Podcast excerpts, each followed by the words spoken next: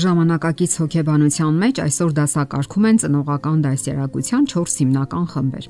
Այսօրվա մեր թեման ավելի շատ շոշափում է դրանցից մեկի ավտորիտար դասերակցության սկզբունքները։ Ավտորիտար դասերակցության նման ոճը պարունակում է խիստ վերահսկողություն եւ սառը վերաբերմունք ծնողների կողմից։ Ավտորիտար ոճը չի ենթադրում երեխայի հետ շփման հաստատում։ Բոլոր կանոնները պետք է հստակ կատարվեն։ Ծնողների խնդրանքներն ունեն հրամանի հատկություն։ Այսօր շատ ընտանիքներում դասերակցության միակ եղանակը ֆիզիկական բռնությունն է։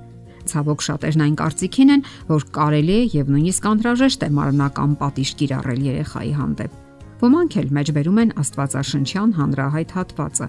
որտեղ ասվում է, որ գավազանը երեխայի համար է եւ այն երկնքից է իջել։ Սակայն գավազանը դասերակցության գործիք է, այլ ոչ պատժամիջոց։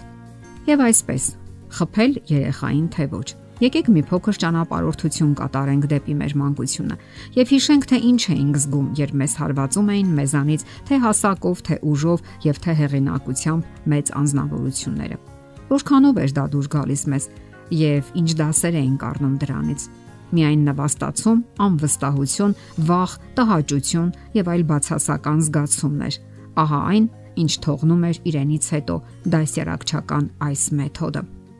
Հոկեբան մանկավարժ այդ ոլորտի մասնագետ Ջանետ Լանսբերին գրում է, որ ոչինչ այնպես չի ոչնչացնում վստահությունը ծնողի եւ երեխայի միջև, որքան ֆիզիկական ազդեցությունը։ Եթե անգամ խոսքը այնպիսի թվում է թե հասարակ երևույթի մասին է, ինչպիսին է փափուկ տեղերին մի թեթև շրմփացնելը։ Անհնար է երեխային սիրելով ցավ պատճառել նրան։ Ցավոք, տարիներով ենթարկվելով նման վերաբերմունքի, երեխան սովորում է միմյանց կապել այդ երկու միմյանց կտրականապես բացառող հասկացությունները՝ սերը եւ ցավը։ Հետազոտությունները ցույց են տալիս, որ շատ երեխաներ, որոնց մինչև 3 տարեկանը կանոնավոր շրմփացրել են, 5 տարեկանին մոտ բացահայտ արտահայտված ագրեսիվ վարքագիծ են ցուցաբերել։ Սիրել երեխային նաև չի նշանակում ամբողջ ժամանակ ընթառաջ գնալ նրան, ձգտել զվարճացնել նրան եւ խուսափել իշխանության համար մղվող պայքարից, parzabanumներից, թե ով է գլխավորը։ Ասել ոչ եւ չզիջել երեխային երբեմն շատ դժվար է, սակայն հարկավոր է հիշել, որ մերժումը բուժարար է եւ անհրաժեշտ։ Մեր երեխաներն արժանի են այն բանին, որ մենք ազնիվ լինենք նրանց հետ։ Դա կօգնի, որ նրանք ընտրեն ազնվությունը որպես իրենց ներքին արժեքների համակարգ։ Կարողանան վերլուծել, թե ինչն է վատը եւ ինչը լավ, զարգացնեն ինքնակարգապահություն իսկ ինքնակարգապահությունը անհրաժեշտ է, որpիսի նրանք սովորեն հարգել ուրիշներին եւ այնպես անել, որ ուրիշներն էլ իրենց հարգեն։ Սակայն ցավոք վերջերս ծնողների մոտ անցկացված համացանցային հարցումներից մեկում ողջվել է, որ նրանց մեծ մասը կողմ է պատժի այդ միջնադարյան մեթոդին՝ հետույքին շրմփացնելուն։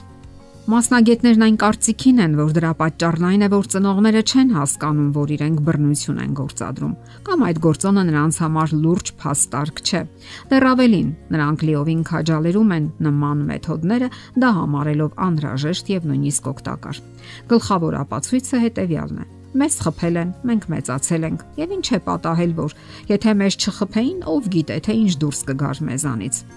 Սակայն այստեղ տրամաբանական հարց է առաջանում Մենք չգիտենք, թե ինչ դուրս կգար մեզանից, եթե մեզ չխփեին։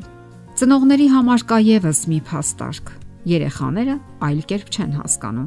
բայց ասենք, որ լավ էլ հասկանում են, ուղակի պետք է փորձել։ Հետաքրքիր է, որ օրինակ եվրոպական շատ երկրներում օրենսդրական կարգով արգելվում է երեխաներին խփելը։ Սրան հակառակ, որպես պաշտպանական հակազդեցություն, մեզ մոտ ասում են. մենք Եվրոպա չենք, մեր մենթալիտետն այլ է։ Ամերիկայում հոգեբանները փորձեր են կատարել ողրզելու մարմնական պատիժների վնասները։ Եվ ինչ։ Հետազոտությունների արդյունքների հիման վրա մանկական զարգացման խորհուրդը կտրականապես դեմ դուրս եկավ ֆիզիկական պատիժներին։ Պարզվեց, որ շրմփացնելը վարքագծային ավելի շատ խախտումներ է ծնում, քան պատժի մյուս եղանակները։ Դրանից բացի այն ագրեսիվ է դարձնում երեխային, ճնշված ու դեպրեսիվ, ինչպես նաև դանդաղեցնում է նրա մտավոր զարգացումը։ Թուլենի համալսարանի հասարակական առողջապահության դպրոցի 2010 թվականին անցկացված ուսումնասիրությունները Քեթրին Թեյլորի ղեկավարությամբ ցույց տվեցին, որ այն փոքրիկները, որոնց ամիսը երկու անգամից ավելի շրմփացրել են, 5 տարեկանին մոտ 50%-ով ավելի ագրեսիվ են, քան նրանք, որոնց չեն հարվածել։ Ընդ որում հաշվի են առնվել նաև մայրական ագրեսիվությունը եւ ալկոհոլի չարաշահումը։ Հայտնի է դարձել նաև, որ հարվածներ ընդունող երեխաները հիմնախնդիրներ են ունեցել ուսումնական գործընթացներում, նրանց համեմատ, ովքեր այլ ձևով են պատժվել։ Պատճառն ակնհայտ է։ Խփելը միանգամայն որոշակի ձևով ազդում է երեխայի զարգացման վրա։ Նրա ուղեղը զարգացման ռեժիմից անցնում է պայքարի կամ պաշտպանական կամ գոյատևման ռեժիմին։ Վերջապես ինչու են ծնողները իմանալով այս ամենի մասին շարունակում շրմփացնել երեխաներին ամեն ինչ པարզ է։ Դասյարակության մեթոդներից ցանկացածը ջանքեր է պահանջում, իսկ հետույքին հարվածելու համար ոչ մի ջանք չի պահանջվում։ Դա ակնթարթային արձագանքման գործողություն է։ Այդպես ակնթարթորեն ազատվում ես սեփական անզորությունից եւ փորձում ես ցույց տալ քեզ, որ ինչ որ բան է տեղի ունենում, ինչ որ մեկը, ինչ որ մեկին դաստիարակում է։ Սակայն եկեք հասկանանք, որ այս ամենը խաղ է եւ ոչինչ չի փոխում։ Իսկ եթե փոխում է, ապա դեպի վատը։ Եթերում ընտանիք հաղորդաշարներ։ Ձեզ հետ է Գեղեցիկ Մարտիրոսյանը։ Հարցերի եւ առաջարկությունների համար զանգահարել 033 87 87 87 հեռախոսահամարով։